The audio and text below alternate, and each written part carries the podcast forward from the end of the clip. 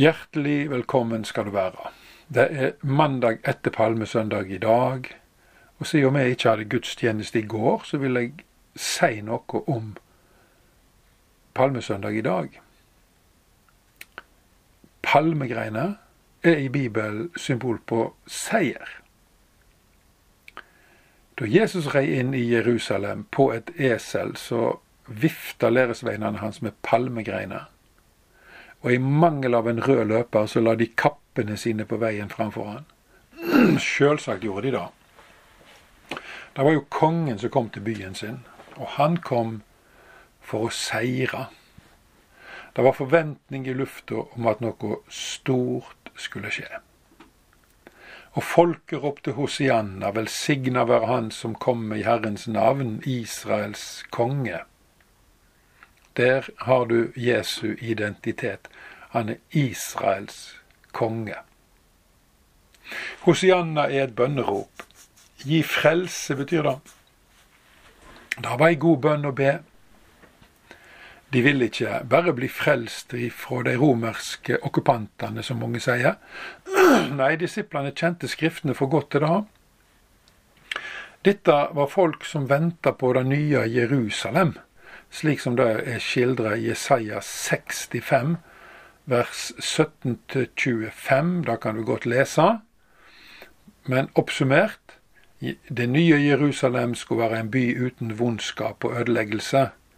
En by der løve og lamme beita sammen. Vi skjønner jo at det da er et symbolsk uttrykk for en djup og varig fred. For et håp for en visjon disse folka hadde. Men det de kanskje ikke så så klart, det var at før dette kunne skje, så måtte det skje to andre ting. Nemlig at verdens synder måtte sones og fjernes ifra Guds åsyn. Og så måtte alle verdens mennesker bli invitert inn i Guds store rike.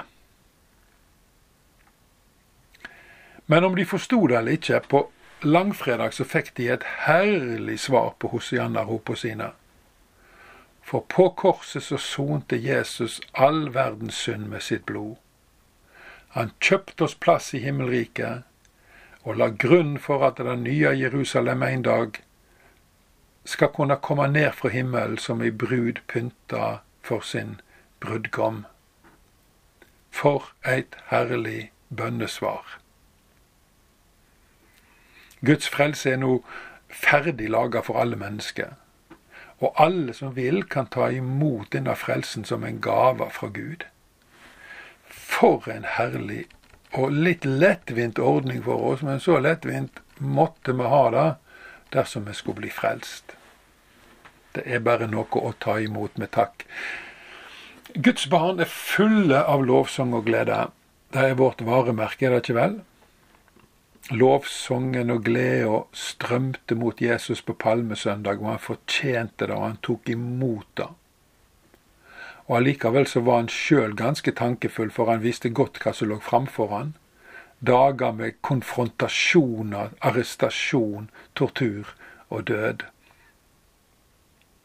Men denne dagen ble han hylla. En påminnelse om at vi som lever nå, skal hylle han hver dag. Det er så godt å lovsynge og tilbe Jesus. Det skaper fest i sjela. Og så er det rett. Og lovsang sømmer seg, leser vi i salmene. Er du et sømmelig menneske? Ja, i så tilfelle så er du et menneske som lover å ære Jesus. Fariseerne likte ikke at, at folket lova Jesus, for de hata Jesus og så på han som en bedrager. Det har alltid vært mange som har gjort det. Vi finner de i våre dager òg, ja, så altfor mange av de. Fariseerne og de skriftlærde ba Jesus om å roe ned disiplene litt. Grann. Men det ville han ikke. Han sa, har dere aldri lest ordet som sier at fra munnen av, av barn og spedbarn har du reist deg et vern mot dine fiender. Og om læresveinene så sa han om ikke de roper, så skal steinene rope. Jesus roer aldri ned de som lovsynger han. Han liker de, og han forsvarer og oppmuntrer de alltid. Han bryr seg katten om religiøse mennesker som synes det kan bli vel mye av det gode. Det kan vel aldri bli for mye lovsang til Jesus, vår kjære frelser. Han sier hallo, ropast skada om du vil eller ikke, enten av folk eller av steiner. Guds ord må løftes opp og synges ut, ordet som bringer med seg frelse og liv til mennesker som lytter.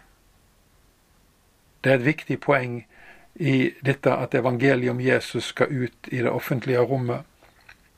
Trua vår er djupt personlig, men hun er slett ikke privat. Det som blir kviskra til dere i det skjulte, skal dere rope ut ifra hustaka, sa Jesus ved en anledning. Jesus er konge, og vi er hans herolder. Vi skal rope ut til folk at de er elsket av Gud, at Kristus har sona straffa for alle deres synder, at de må legge ned all motstand og overgi seg til Han og la seg døype til Hans navn. Da får de tilgjeving for alle sine synder, Den hellige Andens gåve, og de blir borgere av Guds rike med alle retter og goder. La oss be.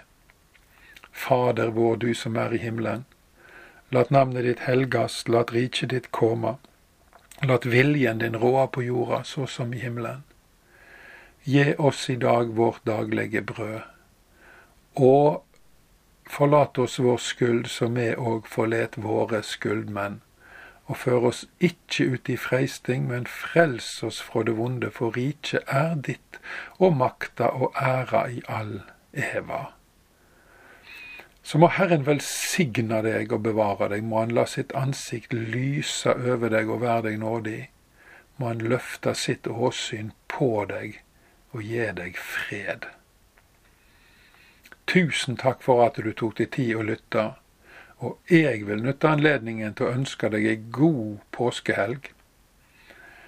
Og så er du hjertelig velkommen på gudstjeneste i Kristkirka klokka 11 på langfredag og første påskedag.